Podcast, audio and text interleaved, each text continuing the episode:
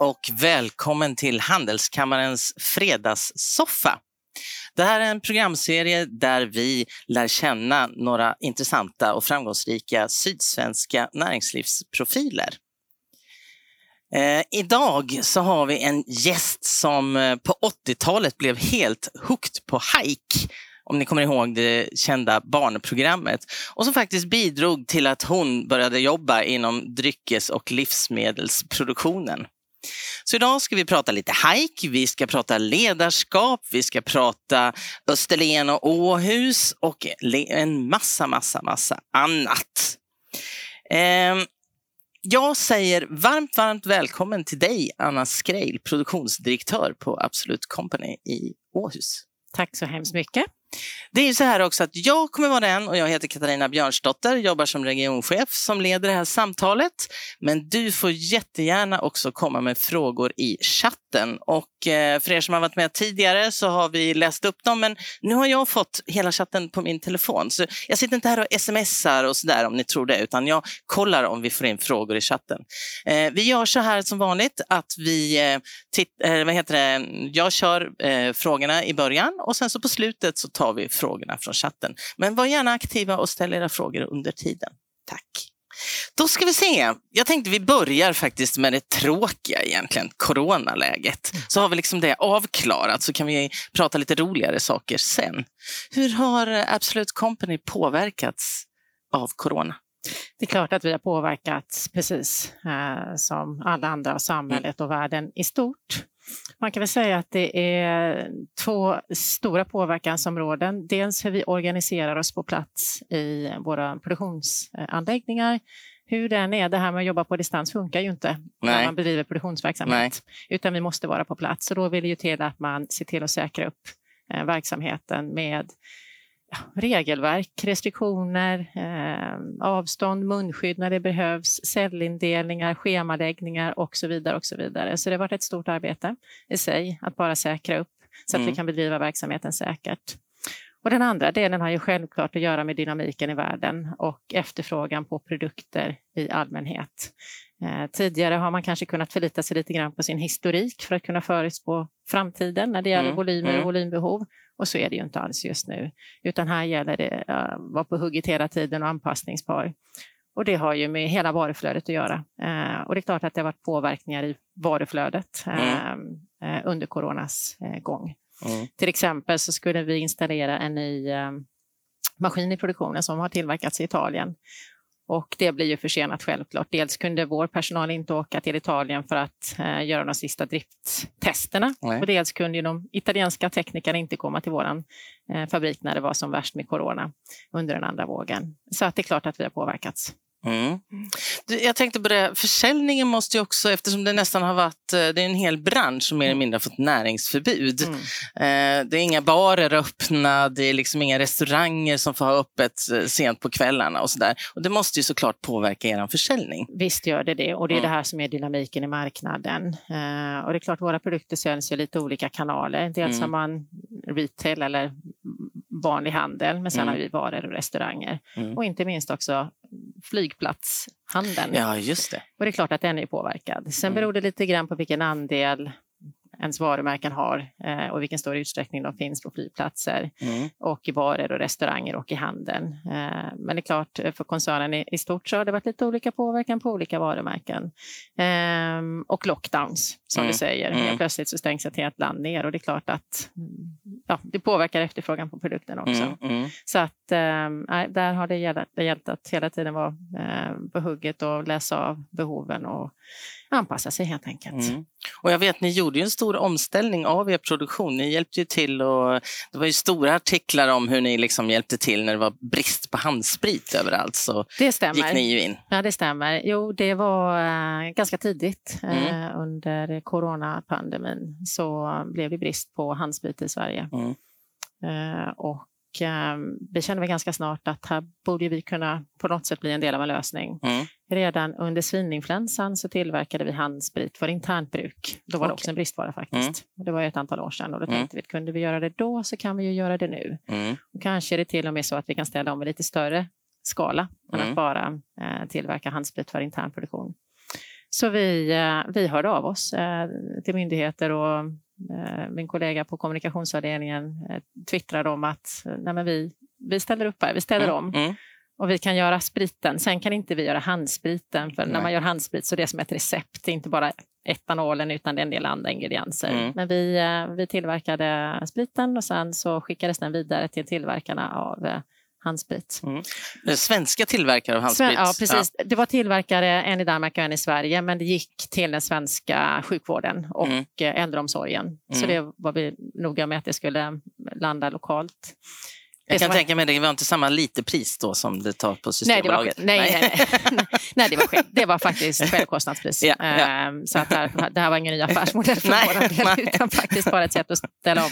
Och det som var lite häftigt i alltihopa detta var på något sätt den här kraften som finns mm. Eh, i partnerskap och samarbeten. Att en part stod för spriten och det var vi och någon annan, då, till exempel Åhus Åkeri, de ställde upp med bilar för att transportera varan. Och mm handspritstillverkarna ställde upp från sitt håll. Så att på något sätt att alla blev en del av en lösning. Ingen satt på helheten, men många satt på olika delar. Och att mm. få ihop den här kedjan med väldigt kort varsel. Mm. Hur, många, hur lång tid tog det ungefär? Nej, det var inte många dagar. Från att vi bestämde Nej. oss till att vi fick ut den första bilen så var det ett par veckor. Ja, det är riktigt häftigt. Mm. Nu är det ju lockdown delvis väl i Frankrike fortfarande mm. och ni ägs ju av eh, Pernod Ricard. Och hur påverkar det er, att liksom er franska huvudägare, att där liksom är det inte någon business direkt? Mm. Eh, ja, Paris eller Frankrike sig har ju haft lockdown från och till mm. i olika grader också kan man säga, men det gäller väldigt många av våra andra eh, länder där vi har personal, medarbetare mm. och verksamhet. Och det här har vi på något sätt börjat eh, vänja oss eh, vid. Vi har blivit duktiga på att ha möten digitalt. Så normalt sett när vi har våra eh, kvartalsuppföljningar eller halvårsuppföljningar med huvudkontoret så kör vi dem digitalt istället. Så någonstans har vi nog hittat formerna för att mötas, träffas, eh, samarbeta eh, utan att göra det fysiskt. För att resa är ju inte att tänka på. Nej. Men hur, hur har de då, de länder där ni har verksamhet mm. som har haft lockdown, hur har de sett på Sverige? Vad tycker de om vår strategi och tycker de det är jättekonstigt att oh, är ni på jobbet? Eh, ja, fast alla som har produktionsanläggningar har i stor utsträckning faktiskt varit eh, på jobbet. Så tillverkande mm. industri har fått rulla eh, mm. i de flesta länder runt om i världen. Sen har det varit lite olika hur man har kunnat komma in till sina kontor och arbetsplatser mm. och där har vi varit väldigt restriktiva. Så har, har, man inte ett behov av att fysiskt vara på plats på sitt arbete så är det faktiskt bättre att man sitter hemma mm. i viss utsträckning för att ja, bli en del i att minska risken för smittspridning. Mm. Eh, och så ser det ut överallt i hela världen. Jag har mm. teammedlemmar som sitter i Kanada bland annat och i mm. Skottland, eh, förutom i Sverige. Eh, och de har suttit i stor utsträckning hemma, de som inte har direkta produktionsroller. Eh, och det, på något sätt har det funkat. Mm. Eh, en liten fördel är väl på något sätt att nu när vi har lärt oss att träffas digitalt så avstånden min, minskar ju. Vi mm. behöver inte resa ett, ett dygn för att komma till en plats för att möta någon. Sen kan man ju sakna det också. Jag kan ja, sakna ja. det. Mm, absolut. Hur många resdagar hade du innan corona ungefär? Jag reste nog nästan varje vecka och eh, oftast till Stockholm. Mm. Där vi har det Absolut Companies huvudkontor. Mm. Eh, och eh, som sagt nästan varje vecka dit. Och sen utöver det en del resor till Paris och olika fabriker runt om i världen. Så kanske 100, 150. Eh, Oj. Mm. Tror du att, hur, vad tror du liksom här i framtiden? Hur, många, hur mycket kommer du resa framöver? Jag tror att vi kommer ersätta en hel del av de resorna med mm. digitala möten. Mm. Det spar tid, det spar miljö. Det mm. spar faktiskt pengar också. Mm. Ehm, men en del, en del resor är väl lite mer oundvikliga. Man ska ut och titta på ny fabrik, ehm, köpa en maskin och så vidare. Då vill man gärna vara på plats och titta fysiskt. Så mm. de resorna kommer vi nog fortsätta mm. att göra. Mm. Men jag, jag, tror på en ganska så rejäl minskning i allmänhet när det gäller eh, vårt resande mm. och mitt resande. Mm. Det är du ju inte ensam om, utan det är, det är nästan alla överens om. Jag tänkte på en sak så här med eh, i er process när ni tillverkar. Ofta tappar man ju smak och eh, doft, liksom. luktsinnet försämras. Använder ni er av det i er process, liksom det här mänskliga mm. doft och mm. smak? Och, mm. Ja, du tänker på att när man drabbas ja. av covid? Att ja, covid, man att man blir av med det. Ja, lukt och smak är jätteviktiga. Mm. Ja, det, är en, det är en del av det kan man inte ersätta med maskiner? När, det, liksom. när det går inte att ersätta. Nej, nej. Så att, att det doftas på våra produkter, det gör det på flera ställen Mm. under tillverkningskedjan. Det är ett sätt Mm. att godkänna produkterna. Okej. Den mänskliga näsan kan faktiskt känna vissa dofter som inte maskiner eller analysinstrument kan fånga upp. Mm. Ehm, så att, eh, nej, det är jätteviktigt. Mm. Har du haft någon kollega som jobbar med det som har blivit av med sitt? Nej, faktiskt, faktiskt inte ehm, i någon större utsträckning. Enstaka personer och jag tycker alla som har förlorat just doft och smak Mm. har pratat om hur, eh, hur märkligt det är. Det är som Mm. att man, man blir lite avtrubbad, Mm. tappar ett par av sina sinnen helt plötsligt. Mm. Ja, det är sjukt viktiga sinnen. Ja, Ju. Så det, Mm. ja. Ska vi lämna corona nu då i alla fall? Vi kanske slinker in på det lite senare också. Men eh, om vi pratar, vem är Anna? Hur växte du upp? Var växte du upp? Eh, jag född uppväxt i Sverige. Jag har ett tyskklingande efternamn. Mm. Men det var för många generationer sedan som min släkt invandrade eh, Mm. från Tyskland via Danmark till Sverige. Eh, och eh, ursäkta, jag föddes i Göteborg. Mm. Och där bodde jag och familjen till jag var fem år ungefär. Sen flyttade vi till Kalmar Okej. och bodde där eh, ett antal år innan vi flyttade tillbaka till Göteborg. Och sen eh, ytterligare några år senare så hamnade vi i Karlstad. Och där gick jag klart högstadium och gymnasium eh, innan jag flyttade till Stockholm. Och där började jag plugga till civilingenjör på KTH. Mm. Så att jag har, man kan väl säga att jag har flyttat runt en hel del under min uppväxt. Mm. Eh, Är det mammas eller pappas jobb som har gjort att eh, ni har flyttat då? Det var min eh, pappas jobb framförallt som drev de här flyttarna. Han var skeppsingenjör och på Mm. 70 och 80-talet när jag växte upp så var det en stor oljekris i världen vilket gjorde att varvsindustrin blev ganska påverkad så att vi fick liksom flytta runt lite grann efter, efter möjligheterna eh, att ha ett jobb helt enkelt. Mm. Så att det var det som drev flyttarna. Hur upplevde du det som barn? Var det liksom eh, kul att komma in i en ny klass och kul att lära känna nya människor? Eller du liksom... Eh, jag visste liksom ingenting annat utan, Nej. utan för mig var det så det var på något Mm. sätt att eh, gå tre, fyra, fem år i samma skola eh, och, och sen flytta. Eh, jag tror att jag blev rätt bra på att ställa om Mm. eh, under de här åren. Mm. Eh, jag har en stora syster som bara är ett par år äldre så det är klart att vi höll alltid ihop i detta Mm. eh, och hade varandra.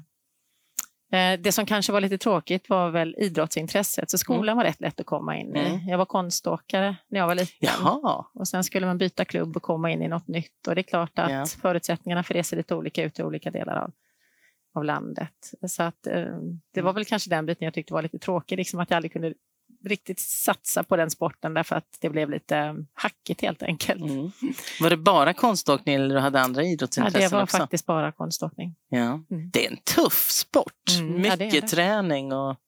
Mm. Mm. Kan tänka mig att det inte fanns heller på alla orter dit ni flyttade. Nej, man, nej, eh, och det kanske inte fanns utan då mm, fick ju föräldrarna skjutsen till någon, till, till någon annan stad eh, i Mm. närheten då, där, man, Mm. där man kunde träna. Mm. Hur, länge, hur långt upp i åldrarna höll du på med konståkning? Eh, som aktiv åkare till eh, 14-15 år. Men sen skolade jag om. Jag insåg nog att jag kanske inte skulle bli eh, professionell konståkare trots allt. Eh, så jag skolade om och blev tränare Jaha. eh, för barn och ungdomar. Ja.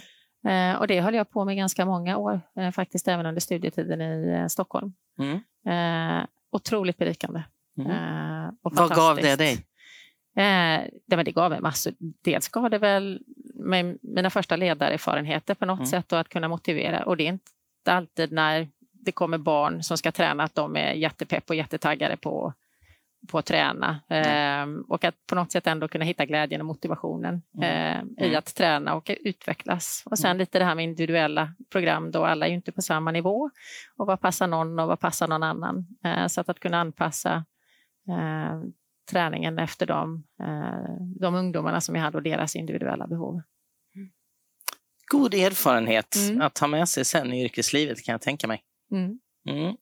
Vad hade du för drömmar? Vad liksom ville du med... Vi kan ju ta det här med hike. Ja. Vad var det som gjorde att du liksom fastnade så, så mycket för det programmet? Vad var fascinationen där? Ja, men fascinationen, eh, det var ju helfestligt och allmänbildande och så Mm. vidare. Det var ju det den här sloganen stod för. Eh, Bodde du i Karlstad under den tiden? Ja, ja, ja, Kalmar, Göteborg, Karlstad. Jag Ja, just det. Mm. minns faktiskt inte Nej. riktigt var jag Mm. bodde, men det här är väl på i några säsonger. Jag tänkte det är ju på värmländska. Oh ja, ja, ja, ja. Oh, ja det var väldigt eh, värmländskt eh, med Bengt som ledde Mm. programmet. De hade ofta inslag från eh, olika typer av produktionsanläggningar, och liksom Mm. tillverkning och hur saker blev till. Och det där tyckte jag var superfascinerande. Det här med att det kommer in lite material och komponenter i en ända av en maskin och sen blir någonting till i andra änden till en färdig produkt. Jag, jag, alltså jag tyckte att det var helt festligt Mm. och väldigt, väldigt spännande. Så där väcktes nog någon form av intresse för det här med hur saker blir till. En nyfikenhet på hur det funkar i praktiken. Teknik, människa, material i Mm. samverkan. Mm. Sen, du gick du sa KTH civilingenjör. Var det med vilken inriktning? Jag läste kemiteknik Okej. Mm. eh, och det hade väl kanske lite då med det här allmänintresset för teknik eh, att göra. Och sen var jag nog bättre också i allmänhet på naturvetenskapliga ämnen när jag gick i grundskolan och på gymnasiet. Och sen hade jag, förutom inspirationen kanske från Hark då, Mm. en otroligt bra kemilärare på Okej. gymnasiet. Eh, på eh, Sundsta gymnasiet i Karlstad. Och det är lite så här med perspektiv fascinerande att en, en hängiven och passionerad lärare kan ha en så stor inverkan faktiskt. Eh, men det var nog mycket hans förtjänst att jag, eh, att jag fastnade för just kemi och det blev kemiteknik. Mm. Och det, där, det du säger, det är ju... Alltså det vittnar ju många om att har man haft liksom den där passionerade läraren som verkligen brinner och som utstrålar så väljer man ofta faktiskt en inriktning som det kan vara någon historielärare eller matematik eller vad det än är. Mm. Så att lärarna har ju en superviktig roll i vår framtida val av karriärer Mm. skulle jag tro. Mm. Eller ja, det vet man ju att det är Mm. så. Det är därför vi har årets lärare och utser det, för att vi, alltså från näringslivets sida, för att vi inser ju liksom hur viktig den rollen är för framtiden och deras sätt att liksom motivera och entusiasmera. Så att det, mm, ja, det är häftigt. Kul att du säger det också. Sen började du ju jobba. Och var Un- Unilever det första? Eller du... Mm, Mm. Det stämmer. När jag eh, började närma mig slutet på min utbildning eh, på KTH, jag gjorde mitt examensarbete eh, i Nicaragua faktiskt. Eh, Oj! Gjorde ett projekt kopplat till spannmål och spannmålstorkning. Mm.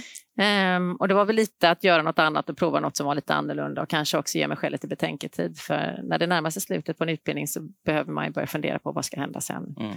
Och jag eh, känner med handen på hjärtat inte alls färdig på något sätt med min utbildning. Ehm, och när man läser till ingenjör, man blir liksom inte ett yrke på samma Nej, sätt som nej. om man läser kanske till bibliotekarie eller lärare.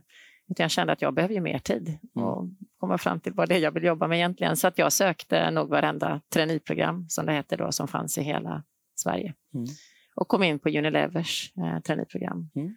och började jobba där eh, direkt efter skolan. Eh, 96 var det. Men jag tänkte på det, hur, kom det, alltså hur fick du tag i det här eh, praktik eller projektjobbet i Nicaragua? Oh, mm, det var att eh, KTH hade då ett samarbete med eh, universitetet i Managua, Mhm. ursäkta mig, i Nicaragua. Mm. Och jag hade ett utbyte av examensarbetare och hade haft det i flera år. Och de här examensarbetena utfördes som, eh, det kallas MFS, Minor Field Study, eh, så att också stöttat av Sida. Mm. Eh, och då gjorde man olika typer av eh, projekt och i det här fallet då kopplat till jordbruk eller lantbruk. Eh, och problemställningen var att när man eh, skördar eh, spannmål i just Nicaragua så gör man det under regnperioden. Och- Under regnperioden? Och det innebär att spannmålet är väldigt, väldigt blött. Ja, och då behöver man hitta effektiva torktekniker för att man Mm. inte ska förstöra spannmålet då under lagringen, att det ska Mm. mögla. Mm. Och då var vårt arbete att hitta den mest effektiva metoden i förhållande till den tillgängliga energi som fanns då. Så vi gjorde olika typer av försök i pilotskala i olika typer av torkar. Det där måste ju också vara en väldigt bra erfarenhet att ha med dig nu när du jobbar på Absolut Ja. eftersom grundråvaran är ju spannmål. Stämmer, stämmer bra. Så att det är lite fascinerande på något sätt Ja. att den här cirkeln har slutits lite. Ja, Mm. ja jätte. Vad, vad, gjorde du, vad jobbar du med på Unilever? Unilever då? Säger man Unilever eller Unilever? Unilever. Unilever. Ja. Mm, ja. Man kan nog säga lite vilket som. ja. Mm. Eh, Jag kom in som teknisk trainee och och eh, jobbade i ett och ett halvt år som trainee på tre olika roller. Och jag började med att planera. Så att jag satt som planerare för lite olika eh, livsmedel eh, som Unilever då hade i sin portfölj. Sen gick jag vidare i nästa traineeperiod. Hamnade på GB Glass som också tillhör Unilever. Ooh, Mm. Och fick arbeta med produktutveckling. ja. Mm. Så produktutveckling av glass, vilket var fantastiskt intressant. Ja. Ligger du bakom någon sån där smak? jag kan eller? väl, nej, ofta är det ett helt... eh, Samarbete såklart, men vad har du varit med och plockat fram? bakom produkterna. Ja, vad gjorde vi på den tiden? Det var mycket skopglass och nya smaker på de här Ja, stora ja. trågen som Mm, man har i mm. kiosker och så vidare. Mm. Så att, eh, det jobbade jag en del med. Ehm, Är du stammis på Ottoglass nu då i Åhus på eh, somrarna? ja, Ja. det kan man lugnt säga. Det är en väldigt god ja, gräddglass. jag, älskar, jag älskar glass fortfarande. Ja. Och efter GB-glass så kom jag tillbaka till Helsingborg eh, Mm. och började arbeta med de produkterna som tillverkades där, margarin eh, och färskost. Och, ehm, ja, och sen efter traineeperioden så kom jag in i mitt första lite mer riktiga jobb då på, på Unilever som eh, ja, produktionsingenjör. Hur länge var du kvar där? Jag var på Unilever i eh, nästan 12 år. Okej. Och de flesta åren i Helsingborg, Mm. i eh, margarinfabriken, margarin, färskost och Mm. Gräddprodukter typ vaniljvisp tillverkar vi där också. Men sen så fick jag erbjudande om en ny roll eh, på GB Glass eh, och att bli fabrikschef eh, där. Och GB Glass fabrik ligger i Flen. Så då bestämde vi oss för att flytta från Helsingborg med familjen och då hade det kommit till två barn på vägen i familjen också. Eh, så vi flyttade till Nyköping. Eh, 2005 var detta. Mm. Eh, och jag började jobba på GB Glass i Flen. Tänk att ha en mamma som är liksom chef över glassfabrik. Ja, jo, Det du måste ha stått högt i kurs hos dina Ja. barn då. jo, vi hade en, en grannpojke, hans pappa var polis och sen var min mamma jobbade i glassfabrik och din pappa är polis. Och det var nog lite sådär jämnt skägg däremellan. Men jo då. Ja, eh, mm, det kan jag tänka mig att, Ja, och att sen- barnen var stolta. Jo men så var det ju. Nej, men det, det var ett fantastiskt jobb på alla sätt och vis. Förutom att glass är en härlig produkt så um, Mm. var det väldigt lärorikt. Nej men det, det stämmer att eh, det, glass är ju festligt. Um, sen när jag annonserade då att jag skulle börja jobba på en annan typ av livsmedelsindustri och jobba med korv och blodpudding och leverpastej, uh, då var det inte lika muntert längre. Ja, ja, så det var nästa steg då. Så Mm. nästa steg efter Unilever var att jag hamnade på ytterligare ett livsmedelsföretag Mm, mm. ehm, som heter Atria. Och där var jag eh, i ytterligare några år och där kom jag tillbaka till produktutveckling ehm, och jobbade med det. Tog fram nya korvsmaker och sånt. Ja, det var pålägg och korv och allt möjligt. Ja. Mm. Är du duktig på liksom det här med smaker? Och... Mm, men jag, har, eh, ja, men jag har nog rätt mycket lukt och smaksinne i Mm. mig. Mm. Eh, Jag är nog vad många kallar en sån här doftmänniska. Det första jag gör när jag kommer in eh, i ett nytt rum eller ett nytt hus, det är liksom att lukta. Det är det, är det absolut första. Ja. jag vet att vi letade sommarstuga under några år i Nyköping. Sen blev det båt istället. Men och när vi letade sommarstuga, det första vi gjorde när vi kom in, eller jag åtminstone, Mm. det var hur luktar det här då? Så man kan ha dig som lite så mögelhund? Ja, jag är, Så- ja, det kan ja, man nog ha. ja, Nej, men ja. Jag är nog lite av en, eh, av en doftmänniska. Mm. Och sen är det spännande med doft. Ehm, Det är lite som färg. Ehm, Att man måste komma överens om hur man ska beskriva dofterna och smakerna man känner Mm, innan man kan mm. prata om dem.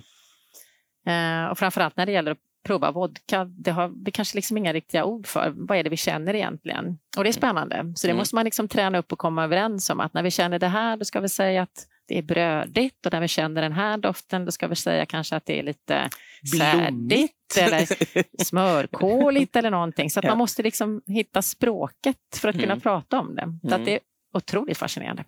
Och det som jag tycker är fascinerande är att jag vet ju inte att det jag känner att du känner samma sak. Nej, visst är Men det är likadant egentligen med det vi ser. Jag vet ju inte att gul för dig är samma som gul för... Alltså, det har man inte riktigt Nej, koll på. och det är lite hisnande när man tänker på det ja, sättet. ja, jag Mm. brukar fundera på det där Mm. ibland. Ehm, nu, sen blev du ju då...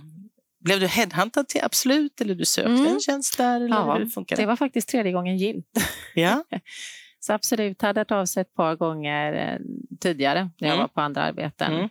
Mm. Och då blev det inte aktuellt av olika anledningar. Nej. Ena gången var det någon annan som fick jobbet och gång två så var jag höggravid med tvillingar och jag kände att det var inte riktigt aktuellt att ta sig an ett eh, nytt jobb då. Nej. Eh, men tredje gången gillt blev det. Mm. Mm. Och din första tjänst var som produktutvecklare då? Då fortsatte jag precis som jag hade gjort på Atria att jobba Mm. med produktutveckling och forskning och utveckling. Så det var så jag kom in eh, på The Absolute Company. Det är ju egentligen så här, vodka, det måste vara ett av världens enklaste recept. Mm, det kan man tro. Kan man tro, ja. Vad är utmaningen liksom, för att få till en bra vodka? Eh, det, det skulle vi kunna ha nästan egen fredagssoppa Ja, med. Men råvarorna, råvarorna är ju på ett sätt ganska enkla. Det är spannmål och det är Mm. jäst och det är vatten. Så Mm. så sätt så är det ju enkelt.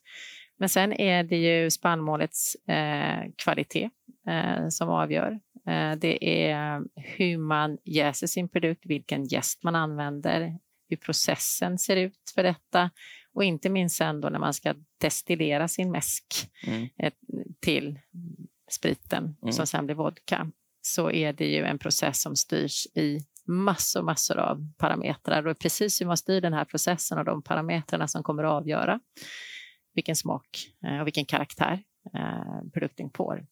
Eh, Så att på råvarusidan kan man tycka att det är enkelt, tre Mm, ingredienser, mm, mm. men processen är ett hantverk. Mm. Man kan ju tycka vodka är oftast eh, eh, det har ju varit mycket så att vodka ska inte kännas, liksom, utan det är liksom bara spritingrediensen i en drink och sen så är det de övriga, liksom, det man blandar med, då, som blir drinken. Men det har vi på senare år, vad jag har förstått, är en liten trend att man även liksom ska smaka olika saker med vodkan. Mm. Ja, och Mm. eh, jag- tror nog att vi alla skulle kunna känna skillnad om vi provade lite olika sorter. För var och en eh, av de olika varumärkena som finns har ju sin karaktär. Mm. Någon är lite mer neutral som du säger, kanske lite lägre karaktär totalt och någon har mycket mer, kanske brödighet eller någon annan karaktär. Så att det skiljer faktiskt. Mm. Eh, Men hur eh, går det trender i vodkasmaker? Ja, men det gör det, men det är nog framförallt på den smaksatta sidan. Mm. Absolut var ju först i världen faktiskt med att lansera en smaksatt vodka. Absolut peppar 1986. Mm. Den kommer man ihåg. Det var en väldigt märklig upplevelse. Kommer jag Strax full av Absolut citron ett par år senare. Mm. Eh, Så att när det gäller just de smaksatta vodkorna så går det ju alltid trender. Eh, och- Och de går ju lite som en pendel fram och tillbaka. Det kan vara citrustrender och det kan vara tropiska trender. Ett tag var det lite trendigt med salt karamell och eh, popcornsmaker och whipped cream och allt vad det heter. Så att det där går, det där går lite fram och tillbaka. Hur gör ni för att hålla er liksom uppdaterade på att nu är det de här smakerna som gäller och det här ska vi haka på? Hur liksom går den processen till? Eh, Det gör vi ju dels genom att vi säljer våra produkter då vidare till Mm. marknadsbolag runt om i världen. Ehm, Och de är väldigt, väldigt nära sina egna marknader och sina konsumenter. Så därifrån hämtar vi mycket eh, fakta eh, om vad som trendar. Mm. Sen hjälper ju också våra leverantörer till i stor utsträckning. Så vi jobbar med flavorhus, eh, stora runt om i världen. Och de är också väldigt, väldigt duktiga på att samla in information om trender. Och det kanske inte bara är vad som trendar just nu utan också lite att kunna förutspå vad som kommer att trenda sen. Och det kan vara sådana saker som att det är en färg som trendar orange. Mm. Då kan det leda till en ny trend på en smak ett par år senare kopplat just till en färg. Det här är jättespännande. Och det ser vi ju nu, det finns ju orange vin som kommer så jättestarkt. Mm. Så orange som du nämnde, det verkar ju vara en, det är väl Aperolen kanske också som Mm. har satt orange på Mm. kartan. Ehm, varifrån, alltså de, er inspiration till nya smaker och sånt, kommer den då liksom från, från de här flavorhusen framför allt? Ja, egna insikter som jag sa Mm. från våra marknader och sen Mm. har vi naturligtvis en hel avdelning som jobbar med det här som kallas consumer insight och trender och så Mm. vidare. Så det är, en, det är en stor del av det hela, men även eh, från flavorhusen. Och sen det är klart att man som varumärke har en egen eh, strategi och en tanke framåt också. Så det är egentligen flera saker som bidrar till inspirationen till vad vi ska hitta, till exempel nya smaker. Mm. Du tog över efter Mr Absolut, Christer Asplund. Hur var det att liksom komma in och fylla, för han var ju verkligen Jo, när jag hade jobbat några år eh, Ja. med produktutveckling och forskning och utveckling Ja. så, eh, så, och det var faktiskt Christer som rekryterade mig till den tjänsten också. Men Mm. då, då började det bli dags för Christer att gå i pension, Mm. eh, det stämmer. Och eh, jag fick frågan eh, Mm. om jag eh, ville efterträda honom. Och självklart ja på den frågan. Det var en fantastisk utmaning. Mm. Eh, hur kändes det att efterträda Christer? Ja, men Christer hade ju varit min chef i fem år vid det laget, så jag kände Christer och hans passion väldigt, väldigt väl. Um, så att för mig var det ju en, en på något sätt en ära uh, och en stolthet, men samtidigt lite spännande att ta över efter en person som ändå hade lett verksamheten, uh, produktionsverksamheten i så många år. Mm. Vad lärde du dig av honom? Vad har du eh, tagit med dig av hans sätt att jobba?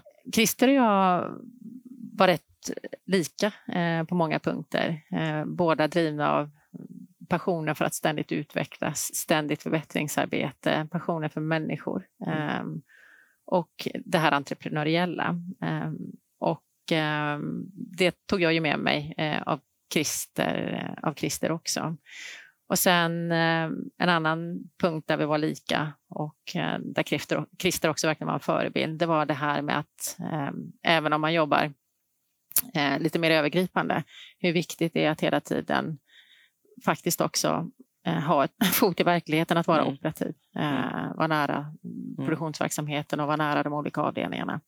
Och att hela tiden kunna flexa mellan, mellan att vara i vardagen med de dagliga besluten och mer operativ till att kanske lägga de mer långsiktiga planerna. Mm.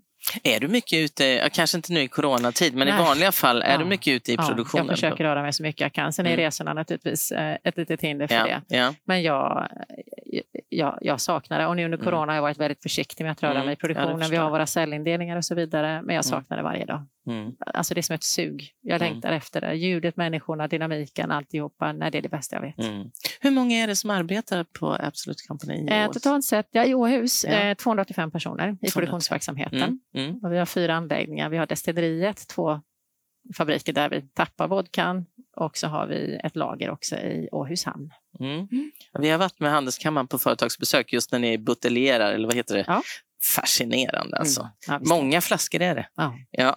Nej, jag, kan, jag kan själv stå och titta. ja, det är riktigt. Men jag tänkte på det, eh, flaskan är ju väldigt speciell. Mm. Och det är ju så här, det är som sagt en av världens enklaste produkter kan man då tycka, förutom processen. Men, men det är ju väldigt hård konkurrens. Så det är it's all about branding brukar man prata om och det här är väl absolut ett alldeles lysande exempel på det. Mm. Kan du berätta lite om liksom, hur ni tänker marknadsföring, eh, alltså hur produkten, varumärket ska leva vidare och så. Mm.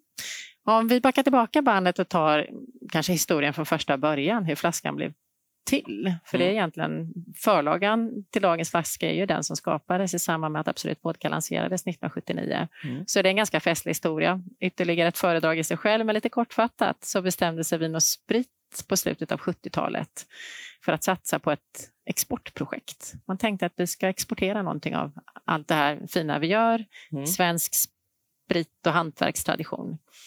Och det sägs att debatterna gick lite kring, kring vad det var man skulle exportera. Var det punchen eller var det brännvinet? Men man kom fram till att det då var det svenska brännvinet eh, med sin eh, hantverkstradition bakom sig som skulle exporteras och det var USA som var marknaden. Eh, och produkten hade man väl, innehållet i flaskan, ganska klart för sig vad det skulle vara då. Men flaskan var ju viktig, det insåg man ju mm, tidigt. Och Lars Lindmark som var vd på den här tiden, han gick till eh, en annonsbyrå som hette Karlsson och Broman och de fick alltså uppdragen att eh, skapa designa. flaskan och designa den. Mm. Och eh, en av de som arbetade på den här annonsbyrån, han hämtade inspirationen till flaskformen från en antikbutik i Gamla stan där han fick syn på en apoteksflaska. En gammal apotekarflaska. En sån brun. Precis, med mm. ganska speciell mm. form. Mm. mm. Och det var ju så brännvin eller vodka såldes i apotek eh, fram till 1700-talet. Då var det att betrakta som en medicin. Så att därifrån kom formen. Och sen var man också noga med att man skulle ha en speciell design. Om man tänker på hur flaskan ser ut så var det lite som en artikel. Det är liksom en rubrik och så är det en text under. Så att varumärket och sen berättelsen lite grann. Det var så mm. texten och mm. den här mm. undertexten kom till. Och sen var man också noga med att det skulle vara klart, det skulle vara transparent, den blåa färgen skulle symbolisera vattnet. Vodka är trots allt 60 procent vatten. Mm. Eh, och det svenska vattnet och så vidare. Eh, och det här blev ju på något sätt en, en helt ny designtrend. Eh, vid den tiden så var spritflaskor ofta lite svulstiga, det var glitter och det var guld och det var medaljonger. Mm. Och här kom alltså en väldigt, väldigt klar stilren genomskinlig flaska utan etiketter med allting tryckt direkt på flaskan. Ehm, så eh, det är historien om designen blev till och man känner igen det här än idag faktiskt i hur mm, flaskan ser mm. ut. Sigillet kom det till senare? Sigillet är viktigt att nämna också självklart. Sigillet var på från början mm. och mannen i medaljongen det är Lars Olsson Smith. Mm. Det var han som lanserade Absolut rent brännvin 1879. Eh, mm. Var gjorde han det? Var det i? Reimersholme. Det var Reimersholme, just. I Stockholm. Just det. Jag tänkte på det, mm, ni har ju skapat ett uh, Absolute Home mm. som uh, invigdes för några år sedan, mm. som ligger i Åhus. Mm. Och uh, kan du berätta lite om vad ni tänker med det huset? Och liksom, ja, men vi tänkte att det är en, det är en fantastisk historia att, att berätta mm. hur Absolut Vodka blev till och historien innan mm. Absoluts historia, Absolut rent brännvin, Ello Smith. Men också hur vård kan tillverkas. Eh, konsumenter av idag vill veta väldigt mycket mer om inte bara produkten, varumärket, men också hur den blir till, vilka människor som står bakom den, hur den görs. Det finns ett intresse mm. för både mat och dryck. Mm. Och det har ju funnits tidigare, Irland med sina, och Skottland inte minst med sina whisky, destillerier, champagne, viner. Eh, och vi tyckte väl att det var på sin plats att även den svenska vodkan skulle kunna få berätta sin berättelse eh, gestaltat genom ett brandhom då, eller ett mm. varumärkeshem. Mm. Så det var tankarna. Mm. Och det finns restaurang på plats. Mm, det stämmer. Jag har varit där så man kan göra sin egen cocktail ja. i något rum. Och lite så, så man kan göra det, ska man gå en rundvandring ja. där man lär sig om eh, vodkatillverkning, vår historia och mycket också kring hållbarhet och hur vi arbetar med det eh, och så vidare. Så det är, en, det är en upplevelse. Och sen så har vi en restaurang och en eh, bar också eh, mm. kopplat till detta. Jag tänkte på det, det finns ju när det gäller alkohol så finns det ju både en uppsida men tyvärr också en nedsida. Eh, hur ser du på, för det, det, är ju, ja, det är ju oavsett om det är ett spelbolag eller som mm. tidigare du jobbar inom köttindustrin med djurskydd och så vidare. Hur, hur ser du på ert ansvar när det handlar om alkoholmissbruk? Mm. Och det, vi, har ett, eh, vi har ett tydligt ansvar där. Jag mm. och mina 19 000 kollegor i koncernen eh, är ju alla ambassadörer för det som vi kallar ansvarsfull alkoholkonsumtion. Eh, och det var också frågor jag naturligtvis fick ställa mig innan jag tackade ja till mm. att börja jobba på Absolut. Hur förhåller sig eh, det här företaget till de här frågorna? Eh, hur ser ansvaret eh, ut kopplat till det? Vad har man för program, initiativ och så vidare? Men det jag fick se övertygade mig om att eh, eh, att det var bra saker. Man gjorde väldigt, väldigt mycket och gör fortfarande än idag. Och eh, eh, jag jobbar ju här idag också. Mm. Kan du nämna något som ni något gör? Något av de alla program vi gör. Vi, eh, vi, har massor av program ute i världen, men ett av de programmen vi gör som kanske har lite mer med Sverige att göra är ett program som heter Prata om alkohol.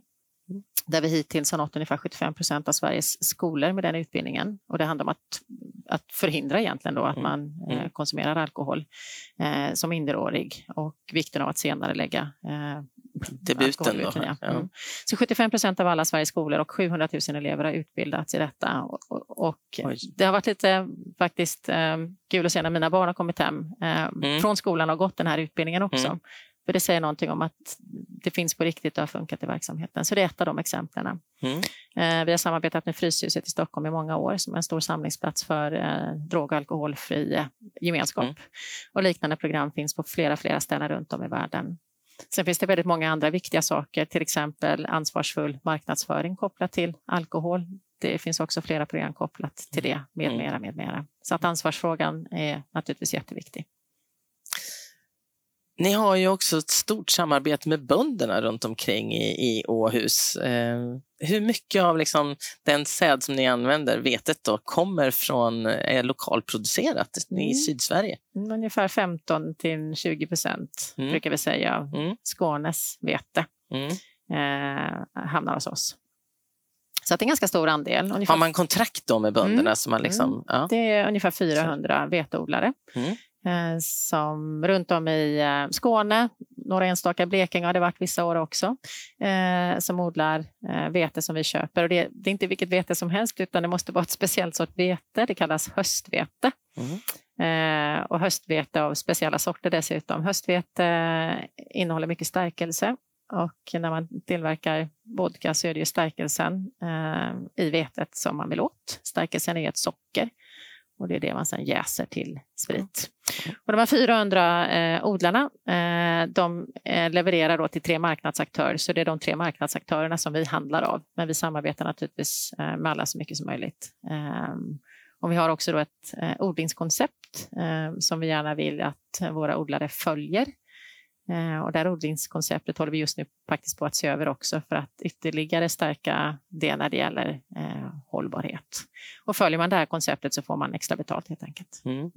Är det någon form av ekologiskt vete då som... som mm, det, är inte, man... det är inte, ja, det, det, är hållbart brukar vi prata mm, om. Mm. Eh, hållbart och det är både hållbarhetsparametrar med det här konceptet men även kvalitet. För hur den är så hänger det här ihop. Alltså har vi saker av bra kvalitet som funkar i processen så, så är det också bra för hållbarheten helt enkelt. Mm. mm. Sen har ni också ett eh, starkt samarbete med en annan lokal eh, aktör, hamnen. Mm. De måste ju vara otroligt viktiga för er också. Oerhört viktiga. Mm. Um, hade vi inte haft en containerhamn i Åhus hade vi inte kunnat skeppa ut våra produkter.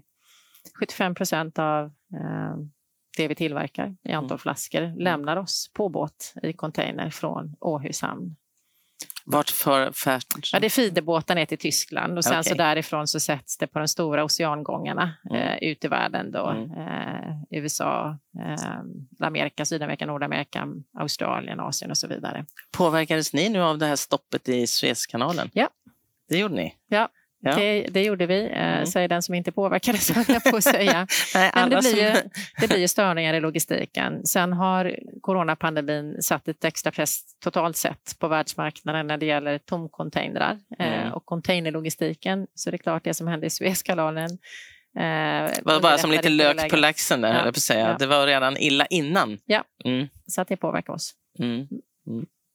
Men eh, det är klart, sprit är en bra produkt för den blir inte förstörd. Nej, där har vi en fördel naturligtvis ja. då. Eh, att, um, mm. nej, den förfars inte. Den blir bara försenad men den eh, liksom förfars inte. Nej. nej. Eh, hur tänker du ledarskap? Du sa att du började där med konståknings, mm. du var konståkningstränare och där lärde du dig mycket. Men vad är, vad, vad är dina styrkor och vad är dina svagheter som ledare?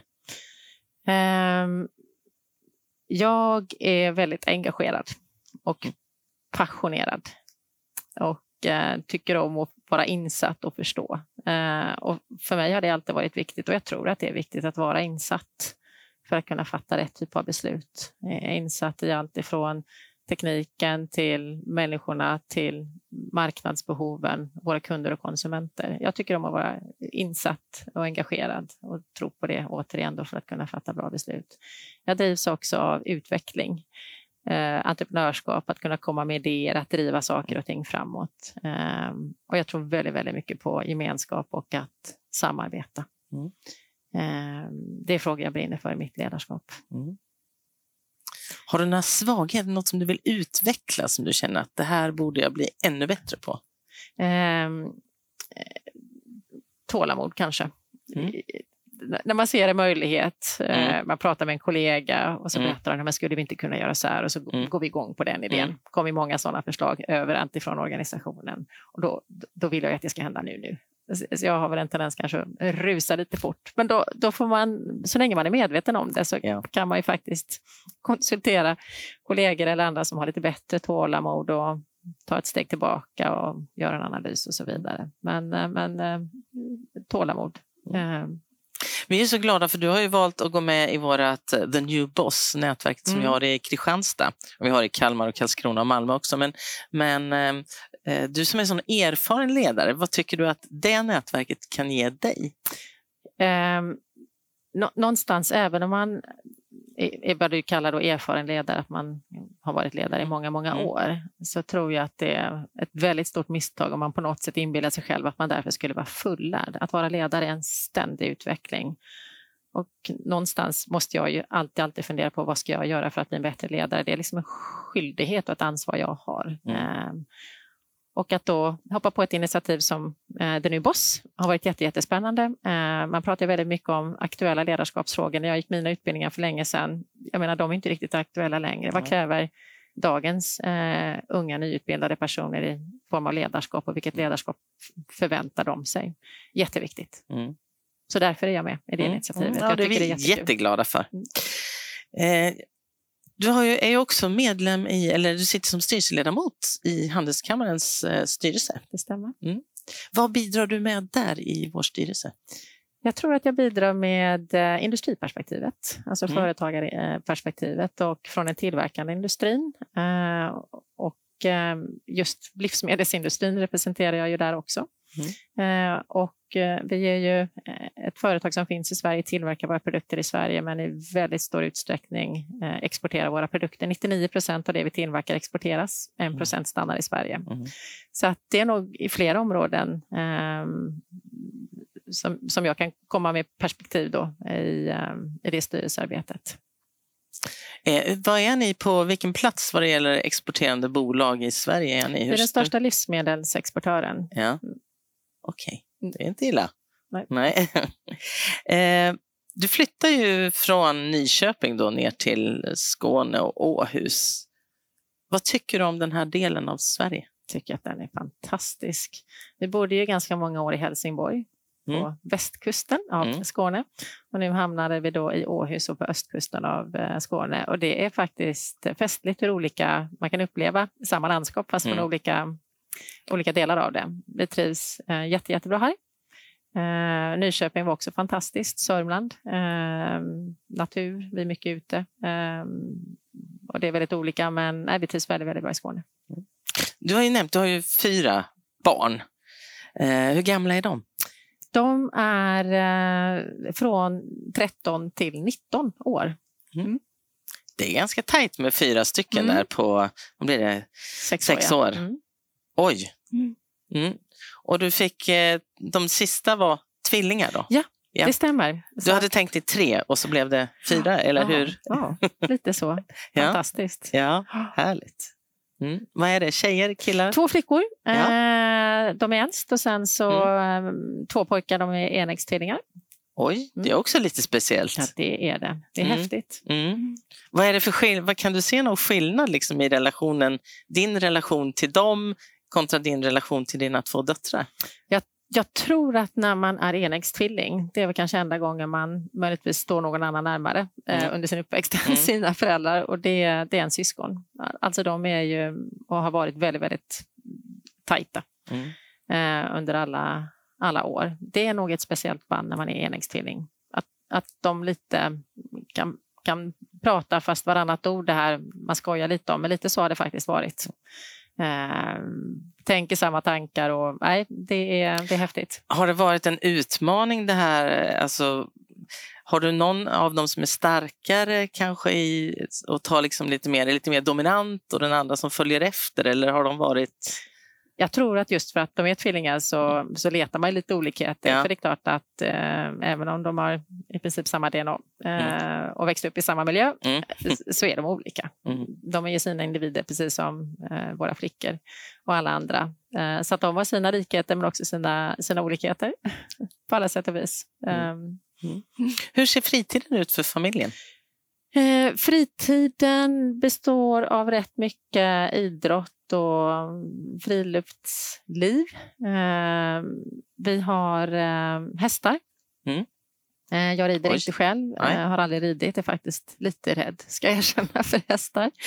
Men eh, mina döttrar har ridit, även pojkarna har ridit också. Eh, så att eh, helgerna går rätt mycket tid åt, åt eh, att åka runt på olika tävlingar eh, med hästar. När det Har ni är- hästarna boende hemma eller ni har Nej, dem vi har någon... dem på en, eh, på en gård Ja. strax utanför Åhus. Mm.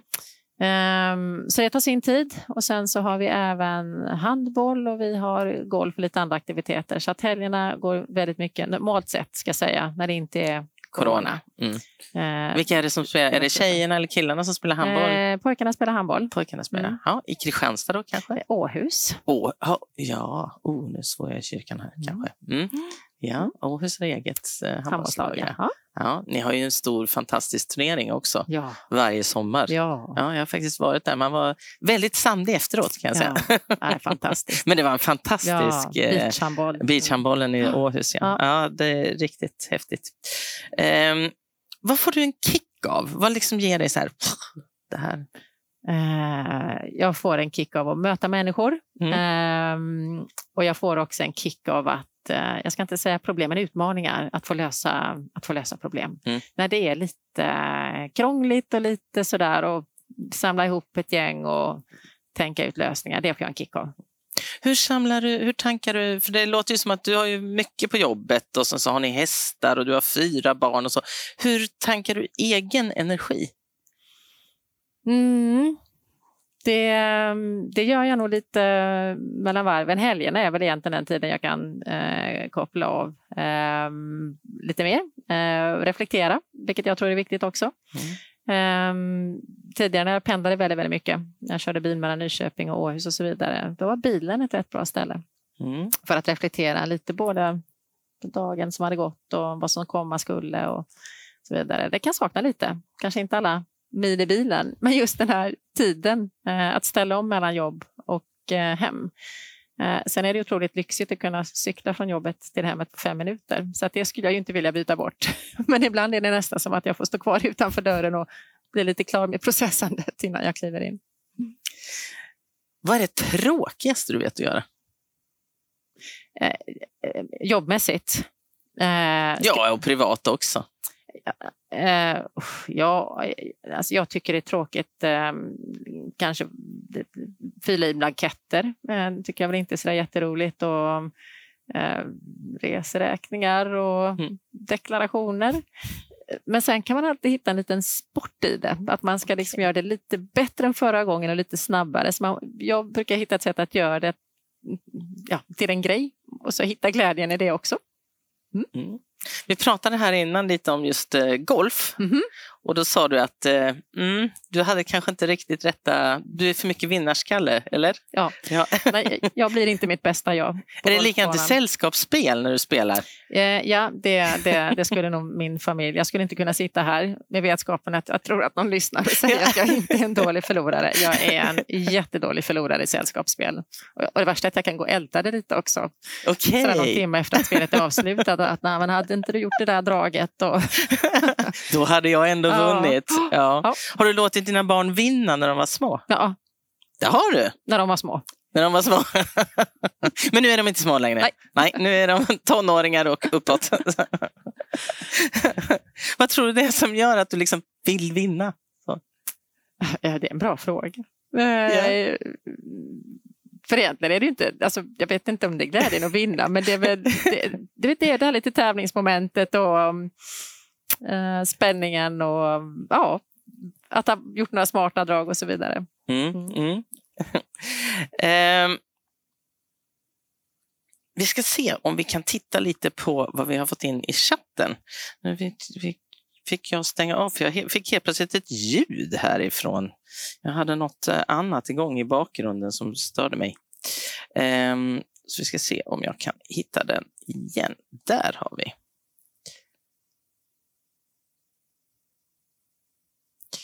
Har ni fått några frågor i chatten? För att jag har lite, den har liksom inte kommit igen, så vi kan ta här.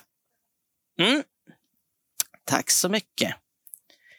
I branschen, vilka bolag eller varumärken är du imponerad av och varför? Oh, vad spännande fråga. I branschen, och då kanske jag får tänka livsmedelsbranschen i stort. Mm. Eh, generellt sett så imponeras jag över varumärken eller företag som på något sätt har, har en tydlig linje i det man gör och där man får ihop en helhet. Eh, kunden i fokus, kvalitet, men även liksom tankar på hållbarhet och så vidare. Och det finns väldigt många att titta på, så jag känner att det är nästan lite svårt att hitta något enskilt eh, varumärke.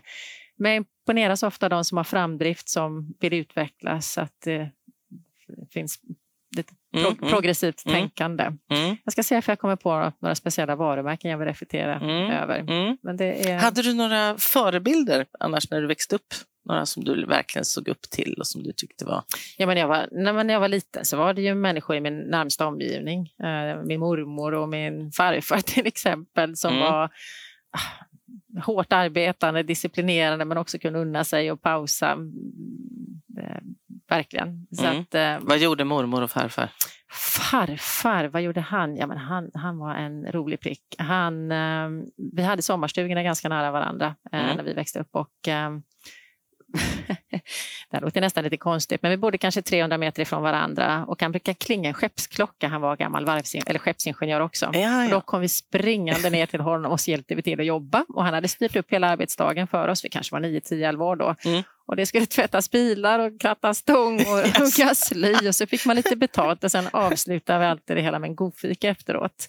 Så på något sätt det här, ja men arbetsglädje. Ja, ja. Ehm, och det spelar ingen roll om det var lördag eller söndag eller vilken dag i veckan det var, men liksom att, att på något sätt ha en plan för dagen och Mm. hugga i lite. Mm. Ehm, och mormor var precis likadan. Uh, hon var också väldigt mycket att hugga i men ändå unna sig en paus när det behövdes. Hon var väldigt tillgänglig framförallt också för oss som barnbarn. Mm. Ehm, och vikten faktiskt av att vara tillgänglig för sina barn, eller barnbarn då, Mm. eh, var fint.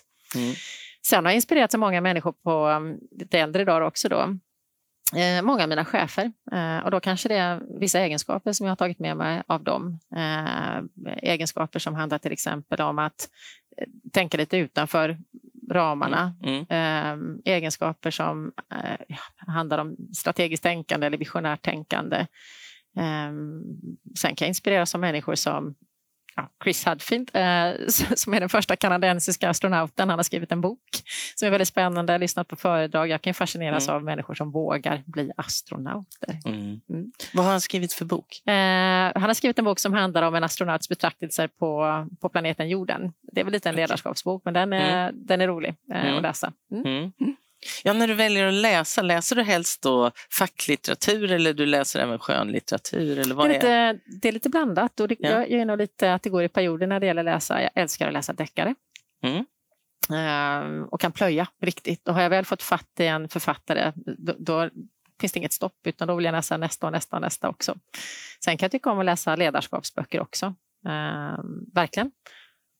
Eh, där har jag absolut favorit Conscious Business av Fred Kaufman. Han är alldeles Okej. fantastisk som pratar väldigt mycket om medvetenheten och vikten av att vara en medveten ledare eller medveten person i allmänhet. Då. Vara Mm. medveten om sina styrkor och sina brister och så vidare. En bra bok. Bra tips. Mhm. Om du eh, skulle få byta plats med en människa under en dag, du skulle få vara en människa en hel dag. Vem skulle du vilja vara då? Ja, men då skulle jag nog vilja vara den här astronauten. Okej, Varför då? Nej, men där, därför att det, det är någonting som... Eh, det- det är någon fascination för det här med den perfekta förberedelsen, planen, riskanalysen, att, att tänka igenom alla delar, att lita på andra Mm. och sen komma upp i rymden och se jorden. Alltså. Jag, jag vet inte, det finns någonting häftigt och lockande Mm, med det. mm. Eh, Har du ställt dig i kö? För det kommer väl bli såna här... space Tour. Ja, just Eller det. Space tourism. Eh, Inte än. Nej, Jag vet faktiskt inte riktigt om jag skulle våga på jag vet riktigt. inte. Och priset är väl inte helt överkomligt än kanske. Nej, men nej, det vet man inte det Det, det finns ju Mm. många som håller på med...